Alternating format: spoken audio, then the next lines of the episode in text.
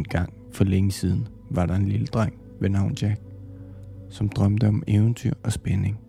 Han elskede at læse om superhelte, fantasifulde historier, og hver aften, før han skulle sove, ville han tænke på, hvad han ville gøre, hvis han nogensinde fik muligheden for at opleve noget magisk.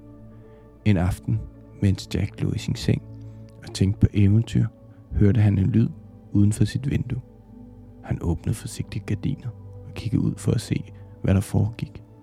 Til hans store overraskelse så han en gruppe ninjaer, super ninjaer, der stod ved hans græsplæne og ventede på ham. Kom Jack, kom Jack, sagde lederen af super ninjaerne. Vi har brug for din hjælp til at redde Hammers hus fra den onde troldmand. Jack tøvede ikke et øjeblik og sprang ud af sit vindue, sluttede sig til super ninjaerne på deres eventyr.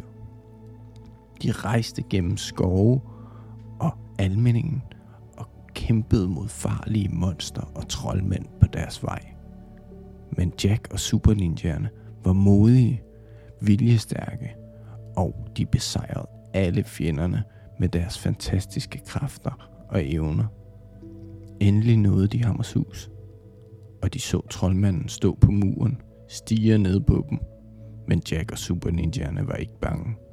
De begyndte at klatre op ad muren for at tage kampen op mod troldmanden. Det var en hård kamp, men til sidst besejrede Jack og Super Ninjaerne troldmanden og reddede Hammers hus fra hans onde planer. De blev hyldet som helte af hele landet, og Jack følte sig stolt over at have været en del af denne fantastiske mission. Efter en lang og spændende dag vendte Jack og Super Ninjaerne tilbage til hans hus, og han sagde farvel til dem.